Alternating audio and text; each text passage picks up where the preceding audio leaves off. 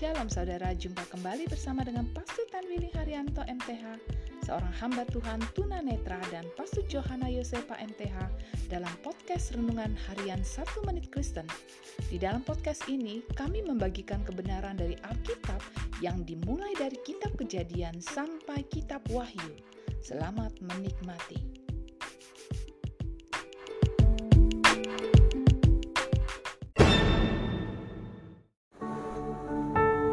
Shalom saudara-saudara yang sangat berharga di hati Tuhan. Firman Allah hari ini mau mengingatkan kepada kita bahwa ada pemulihan.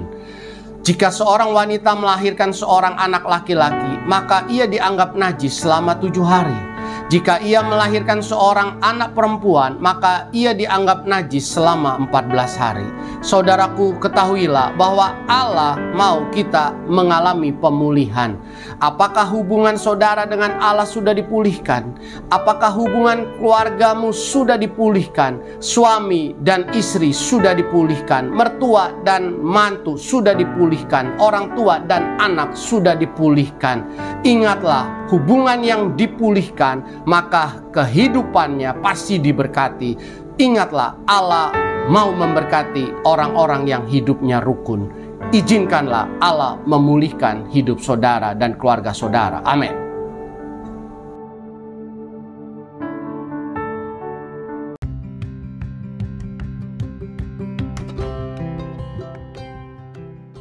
Terima kasih saudara telah mengikuti podcast Renungan Harian 1 Menit Kristen.